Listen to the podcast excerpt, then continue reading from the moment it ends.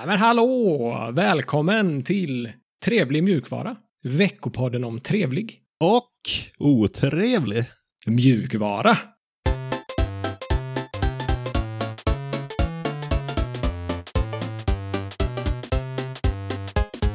Ja, mitt namn är Sebastian och med mig har jag som alltid Alex på andra änden. Hallå.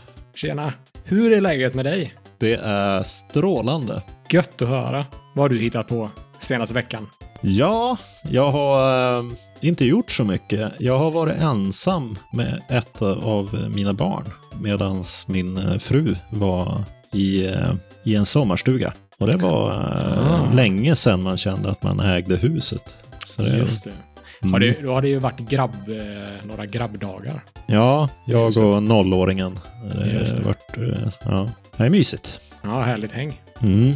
Ja, vad hände denna veckan i Trevlig mjukvara-podden då? Vad ska vi snacka om denna gången? Ja, vi eh, har ju den här, eh, vad kallar man det, upptakten till eh, Foss North. Just det, nedräkningen. Mm. Upptackningen. Precis, och vi har lyckats få tag på ytterligare en person som ska vara med på Foss North och prata och hålla i workshops. Är det Maria Dalhage du pratar om kanske? Ja, Jag misstänkte det. Hon är ju projektledare för öppen data på Arbetsförmedlingen och jobbar med Jobtech Development. Det låter väl spännande va? ja, Det låter verkligen som någonting trevlig mjukvara behöver ta reda på mer om. Så eh, det gör vi nu, eller vad säger du? ja. Här kommer intervjun med Maria Dalhage. Då var vi här med Sebastian och Alex som vanligt och vi har även med oss eh, Maria Dalhage. Eh, Maria har jobbat som eh, projektledare i en hel del olika IT-projekt kring offentlig verksamhet. Bland annat kring den samlade läkemedelslistan eller nationella ordinationsdatabasen NOD. Hon har också varit på Ekonomistyrningsverket som jag inte hade hört talas om innan.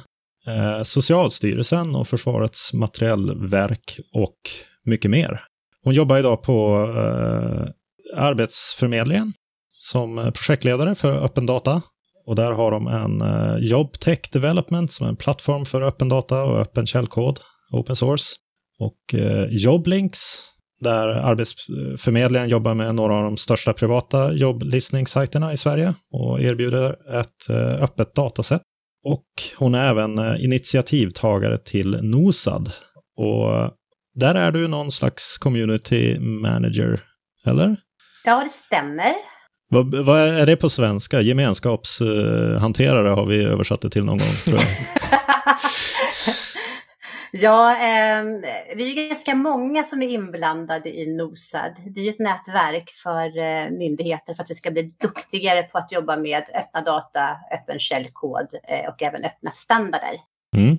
Och sen behövs det lite personer som håller ordning på allting praktiskt. Eh, se till så att vi får lite nya programpunkter, eh, att det händer någonting, att teknik och ja, allting runt omkring fungerar. Så det är väl lite grann ett, det som man brukar kalla för community manager även utveckling och av system och liknande. Ja, vi pratar ju delvis med dig för att vi är ju med på Foss North och det är du också. Ni kommer ha en workshop där den 30 maj. Jag tänkte vi fråga lite mer om det i slutet av eh, intervjun. Mm. Men vi tänkte börja med någonting eh, som vi brukar köra, säger jag nu. Nu har vi inte haft så många intervjuer, men eh, vi tänkte det här ska bli någon standard. Med tio snabba frågor. Och då är det bara att svara eh, det första som poppar upp i huvudet när frågan ställs. Ja, jag ska göra så gott jag kan. Är du redo? Absolut. Då kommer första frågan här. Vilket djur symboliserar dig? Oj, ehm, gnu. Oh. ja. Vad gör du helst en ledig dag? Jag paddlar kajak. Okej. Vilken är din favoritwebbläsare? Ehm, ehm, Google Chrome. Vilket är ditt favoritoperativsystem på telefoner? Eller vilken eh, telefon är din favorittelefon? Kan man väl också fråga. iOS. Vilket är ditt favoritoperativsystem på datorn?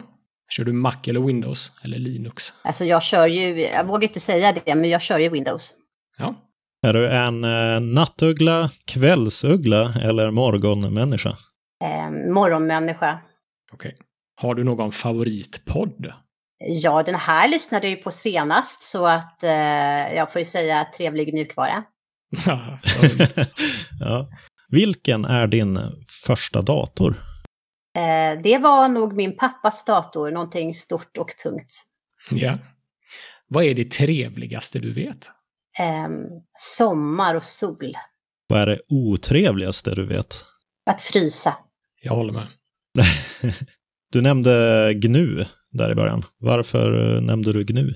Ja, det var ju faktiskt eh, det första jag kom på, men eh, sen passade det väldigt bra också kopplat till vad vi ska prata om idag. ja, det... ja. Okej, okay. Eh, då börjar vi med den första riktiga frågan. Mm. Vad tycker du är viktigast? Öppen data eller öppen källkod? Det korta svaret är ja. Öppen källkod och öppna data är viktigast. Ja. Men om vi bryter ner svaret lite. Eh, jag jobbar ju ändå som projektledare för öppna data. Öppna data ses ju som det nya guldet. Eh, det är det som ska leda till innovation, transparens och medborgardialog. Och 11 miljarder kronor om året enbart i Sverige beräknas samhällsnyttan vara om vi myndigheter lyckas med att dela vår öppna data. Oj då. Eh, men det vet vi också, ja, att det räcker ju inte med öppna data. Om vi vill ha innovation, då måste vi prata öppna standarder. Vi måste också jobba med öppen källkod. Så med det sagt ehm, så ska vi inte glömma att det finns en lag som säger att myndigheter ska tillhandahålla öppna data och det ingår även i Arbetsförmedlingens uppdrag. Så för mig i mitt arbete så är öppna data viktigast. Och det är viktigast eftersom det är min leverans. Och att det är lagstadgat kan ju också ses som en indikation på vad offentlig sektor tycker är viktigast. Just det. Och det här är ju även en EU-lag då, ett EU-direktiv. Men jag vill också betona att vägen till öppna data går via öppna system. Mm. Du nämner 11 miljarder om året. Ja. Vad, eh, vem har tagit fram de siffrorna eller vad är det som? Det är bland annat Lantmäteriet som har tagit fram de siffrorna tillsammans med eh, andra myndigheter som sitter på de här särskilt värdefulla informationsmängderna. Så det är Bolagsverket bland annat och eh, lant, ja, Lantmäteriet sa jag. Eh, DIGG tror jag varit inblandad också. Mm. Och det är inte bara 11 miljarder faktiskt. Man pratar om mellan 11 till 21 miljarder. Ja, just det. Ja. Om man tittar på, eh, du har ju jobbat ett eh, bra tag nu. Eh, du började väl din karriär i början på tidigt 2000-tal eller kanske innan dess till och med? Det var prick 2000. Det var prick 2000 till och med. Ja. ja. Och då jobbade du som it-konsult kring säkerhetsfrågor. Det mm, stämmer? stämmer. Ja. Det var ju en tid då eh, som Microsoft eh, pysslade med att ja, attackera öppen källkod. Och det läcktes en del, eh, ja vad ska man kalla det, otrevliga dokument. Eh, Halloween-dokumenten bland annat. Eh, ett känt dokument eh, som läcktes. Som gav lite insikter i hur de försökte att så tvivel kring öppen källkod. Så att man inte skulle installera Linux eller välja andra öppna lösningar. Så det var en ganska turbulent tid inom öppen källkod kan man ju minst sagt säga. Var det något som man märkte av då? Stötte man på motstånd kring öppen källkod, data däromkring? Naturligtvis, när en eh, jätte som Microsoft går ut och säger att eh, open source är cancer och sen säger att Microsoft eh, loves Linux, så klart att det påverkar. Eh, diskussioner om, om huruvida open source är säkrare eller osäkrare än proprietära lösningar, de kommer ju och går. Eh, men argumentet går ju lika mycket i den andra riktningen, att open source är säkrare eftersom man kan granska koden. Det som kanske är mer intressant är att jag är ju väldigt mycket statstjänsteman och har varit det länge nu. Eh, och jag kan inte minnas att någon myndighet har diskuterat open source runt anskaffning och upphandling egentligen förrän nu. Vid en upphandling så dyker inte krav på open source eller ens öppna standarder upp. Inte för att det finns en beröringsskräck till open source, utan för att beställaren inte tänker de banorna överhuvudtaget. Man tänker inte interoperabilitet och man tänker inte exitplan. Eh, och det är det här som är utmaningen i digitaliseringen idag. Vi saknar det här helhetstänket och vår data blir inlåst. Just det. Så open source behöver finnas på myndigheter som en strategi och inte bara av en slump. Eh, och här skulle jag vilja nämna eh, två personer. Eh, Björn Lundell som är projekt, eh, professor i Skövde, eh, på Högskolan i Skövde. Och hans kollega Jonas Gamalielsson. De två har gjort en ganska viktig insats. De har bland annat tagit fram fem principer att tänka på vid anskaffning för att uppnå en hållbar digitalisering. Mm. Och det är en väldigt bra första början. Eh, går det att dra de principerna lite snabbt eller är de väldigt ja, långa? lite snabbt. Eh, se om jag kommer ihåg dem ordentligt. Eh, man ska kravställa interoperabilitet. Man ska också kravställa öppna standarder. Det ska vara open source-implementation av varje IT-standard. Och eh, man ska ha en exit-strategi. Och sen undvika att ställa explicita, eh, explicita och implicita krav på eh, sluten programvara. Just det. Har du sett någon vändpunkt i anammandet av open source? Finns det något speciellt eh, tillfälle eller en händelse? Alltså jag skulle säga att vändpunkten för open source kommer nu. Just det. Jag tycker att det verkar som att det har skett ett samlat grepp, eller det sker ett samlat grepp kring digitalisering sedan något år tillbaka. Eh, och även om det fortfarande saknas de här övergripande policybeskrivningarna, alltså policies kring open source, så inkluderar man ju öppenhet i dialoger på ett annat sätt. Och regeringen har en digitaliseringsstrategi. Vi har en ny myndighet, DIGG, som ansvarar för förvaltningsgemensam digitalisering. Eh, och i nätverk som exempelvis Nosad med 300-400 nätverkare så delar vi ju med oss av kunskap, inte bara kring öppna data utan även öppna standarder och öppen källkod. Så det är tre förutsättningar för digitalisering. Och sist då kopplat till det här, Sverige är ju en del av EU och visionen om en gemensam inre marknad leder till samarbete. Och samarbete kräver öppna system. Spännande. Framtiden är ljus, låter det som. Framtiden är mycket ljus. Och öppet kanske. Härligt. Vad är det största hindret du ser i ditt arbete idag då, med att införa sådana här öppna lösningar? Både vad gäller källkod och, och data. Jag tror framför allt att det handlar om kunskap. Eh, man ser inte vilka alternativ som finns. Eh, och sen en kulturfråga. Det är svårt att jobba öppet. Alltså vi inom myndighets-Sverige så jobbar vi ju redan idag eh, ganska, alltså vi har, vi använder mycket öppen källkod idag. Men vi delar ju inte vår kod. Och det är det här som är skillnaden. Vi jobbar ju inte i communityform. Ehm, vi samarbetar inte så mycket utan vi har fortfarande ganska mycket kund och leverantörsförhållande till olika parter. Och det är där vi är svaga. Vi är inte så duktiga på att kravställa och framförallt inte när det kommer till de här jättestora mastodontsystemen. Ja, just det. Finns det något bra exempel som du kan nämna där det har fungerat bra när man har infört sådana här öppna lösningar? Det kan vara öppen källkod eller öppen data. Ja, alltså, det finns ju ganska många bra exempel. E-arkiv är ju ett sådant område. Tittar man på Sverige idag så ser vi att många myndigheter använder öppen källkodslösningar för just e-arkiv. Vi har ju också olika typer av medborgartjänster som kommunerna driver för att kunna kommunicera med sina medborgare. Eh, och vi har eh, ja, skolportalen i Allingsås kommun som är baserad på öppen källkod. Som inte alls har haft samma kostnader som andra kommuner.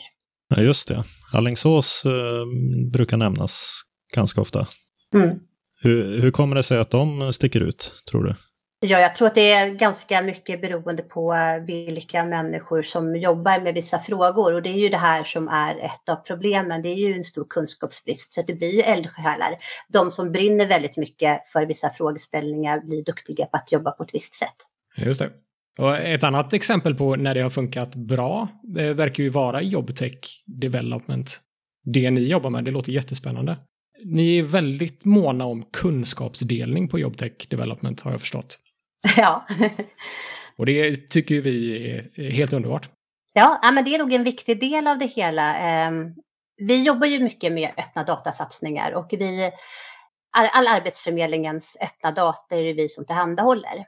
Men man kan väl säga lite grann att möjligheten för oss att kunna jobba med öppna data går via öppen källkod.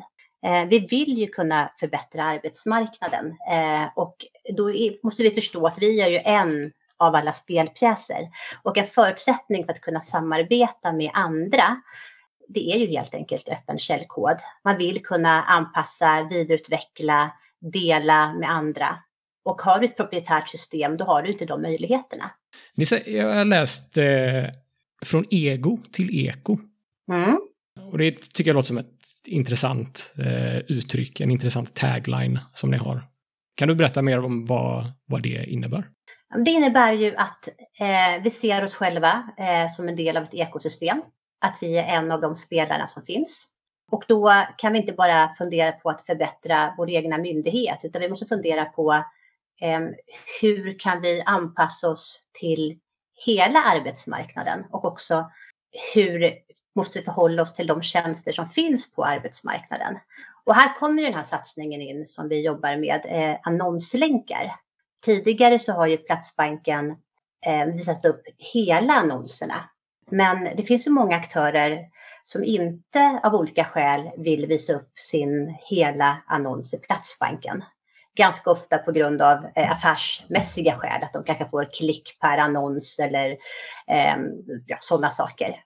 Eh, men vi behöver fortfarande datan eh, för vi ska ju på något sätt eh, kunna göra bedömningar av arbetsmarknadsläget. Vi behöver aktivt kunna hämta information om hur det ser ut i Sverige kring lediga arbeten och vi ska då sammanföra arbetssökande med arbetsgivare. Ehm, så hur ska vi göra det här på ett enkelt och bra sätt? Jo, men eh, vi måste samarbeta med privata aktörer och då har vi kommit fram till att det vi kan dela som inte kostar någonting för någon inblandad, det är ju annonslänkarna och enligt den här principen back to site.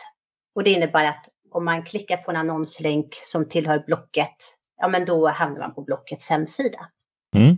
Men för att kunna göra det här jobbet, eh, då behöver man ju ganska mycket på baksidan. För att själva annonslänken, det är ju en URL.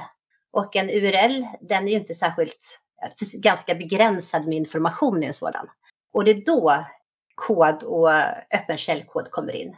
För på baksidan så måste vi göra massor med beräkningar eh, och liknande. Och här vill vi då samarbeta med, med andra. Ja, just det. Ja. Det, det står här att det är 25 000 annonser som samlas in och processas, eller processeras, processas, processas varje natt i Job, Joblinks eh, dataset. Och eh, man efterfrågar hjälp med UX, webbutveckling, AI-analys. Hur kan offentlig verksamhet locka talang? Ja, eh, vi försöker ju eh, att kommunicera eh, vad vi eh, vill åstadkomma. Vi pratar med universiteten. Eh, vi försöker vara tydliga när vi rekryterar eh, nytt. Eh, att vi vill jobba på ett öppet sätt. Eh, och vi försöker helt enkelt, det är därför vi är med på FOSS North Community Day, just, just för att kunna få bidrag. Men, men det vi vet, både när det kommer till öppna data och öppen källkod idag, det är att en av utmaningarna är ju helt enkelt att eh, göra sig hörd, att synas. Hur vet någon att just Arbetsförmedlingen har ett behov? Och hur vet någon ens var våra repon finns? Ja, precis. Hur ser det ut i, i dagsläget? Vilka är det som utvecklar koden för er och mot era API-er? Är det mycket privata aktörer som använder dem eller har ni också inhouse kodare som sitter och jobbar med det? Eh, eller är det medborgare kanske till och med? Frivilliga? Vi har, vi har främst inhouse-kodare. Eh, vi har många olika team som hjälper oss. Men vi har också hjälp utifrån. Eh, ibland har vi konsulter eh, i just det här projektet med annonslänkar. Då har vi bland annat SCB som hjälper oss och vi har också Stockholms universitet i dagsläget. Okej. Okay. Mm. När man söker jobb så har varje plattform sitt eget sätt att skapa en profil. Finns det någon lösning på det?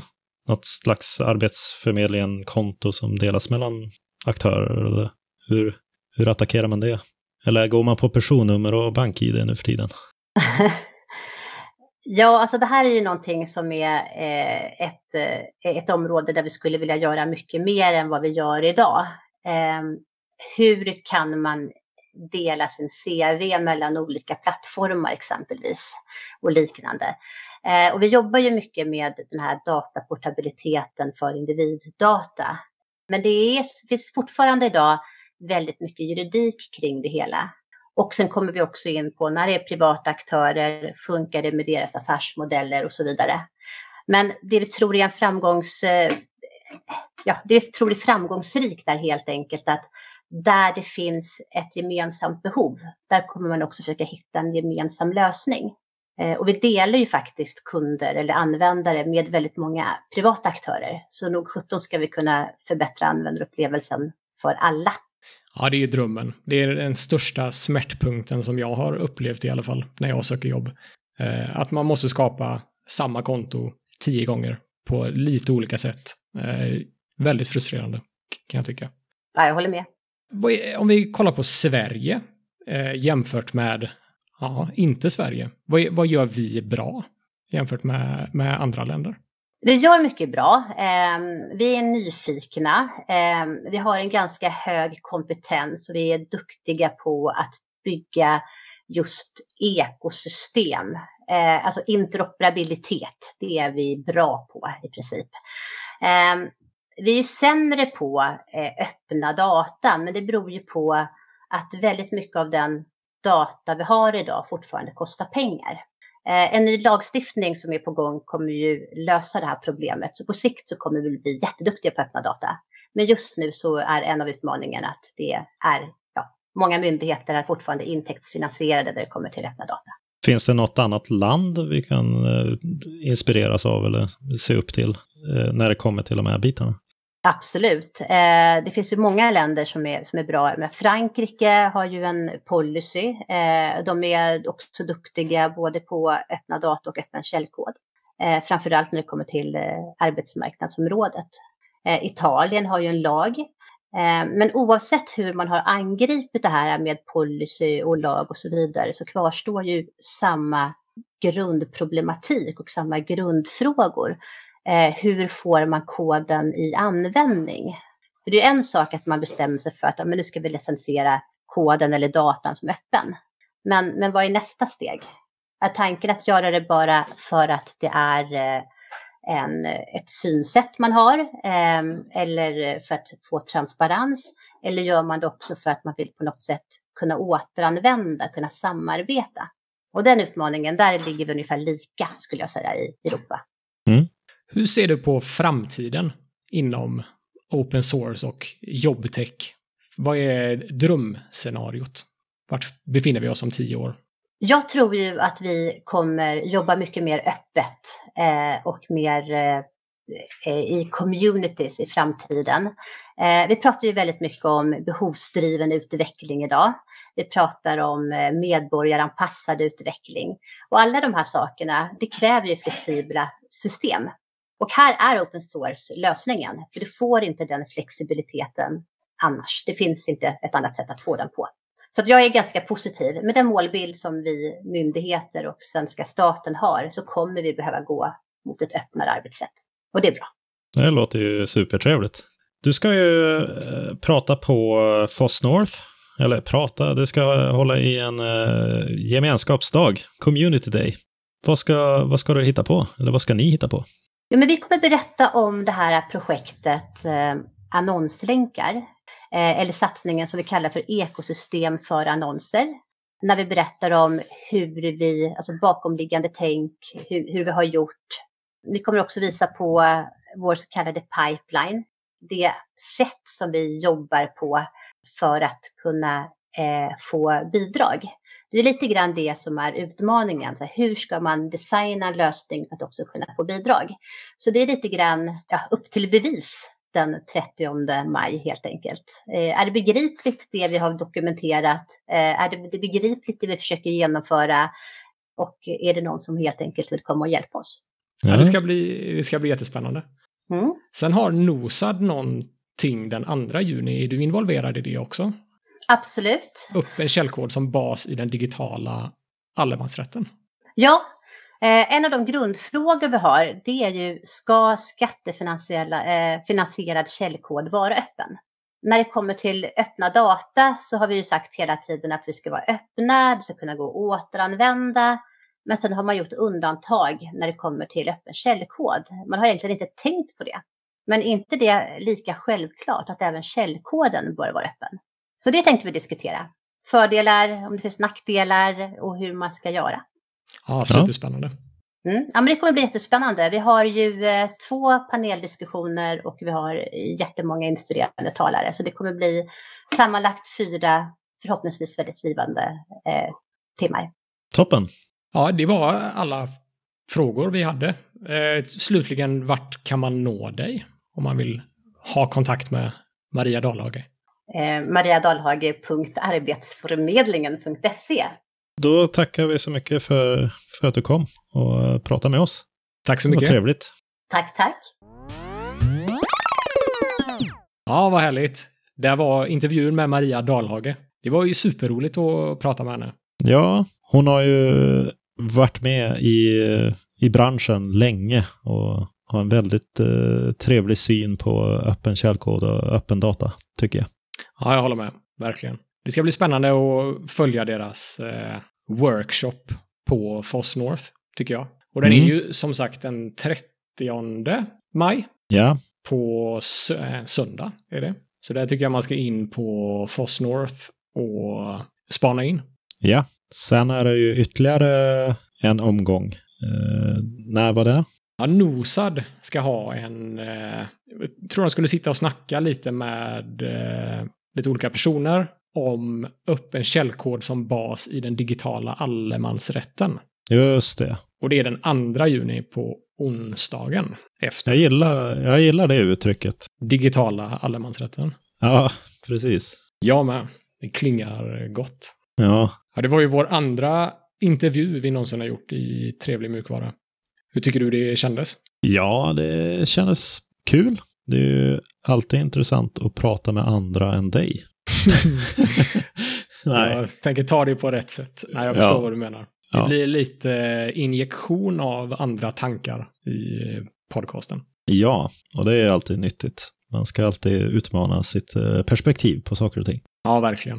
Och så får vi träna vår eh, intervjuteknik. Mm. Det finns eh, det är en hel vetenskap det där, men Ja, men det är ju andan av eh, podden att eh, utsätta sig för nya konstiga utmaningar och försöka bli bättre på det. så är det. Så är det. Och båda våra offer hittills har varit väldigt eh, samarbetsvilliga och snälla och lätta att intervjua. Det har Ja, varit, bara varit roligt. mm. Nu är det dags att blicka inåt också. Ja, Vi kommer inte undan eh, även om vi har intervjuer. nej precis. En liten metauppdatering. För Ja. trev, trevlig mjukvara. Som kan vara bra att hålla koll på, även om jag tror att den inte kommer påverka någonting. Nej, Men vi har bytt Mastodon-instans, som vi snackade om i förra avsnittet.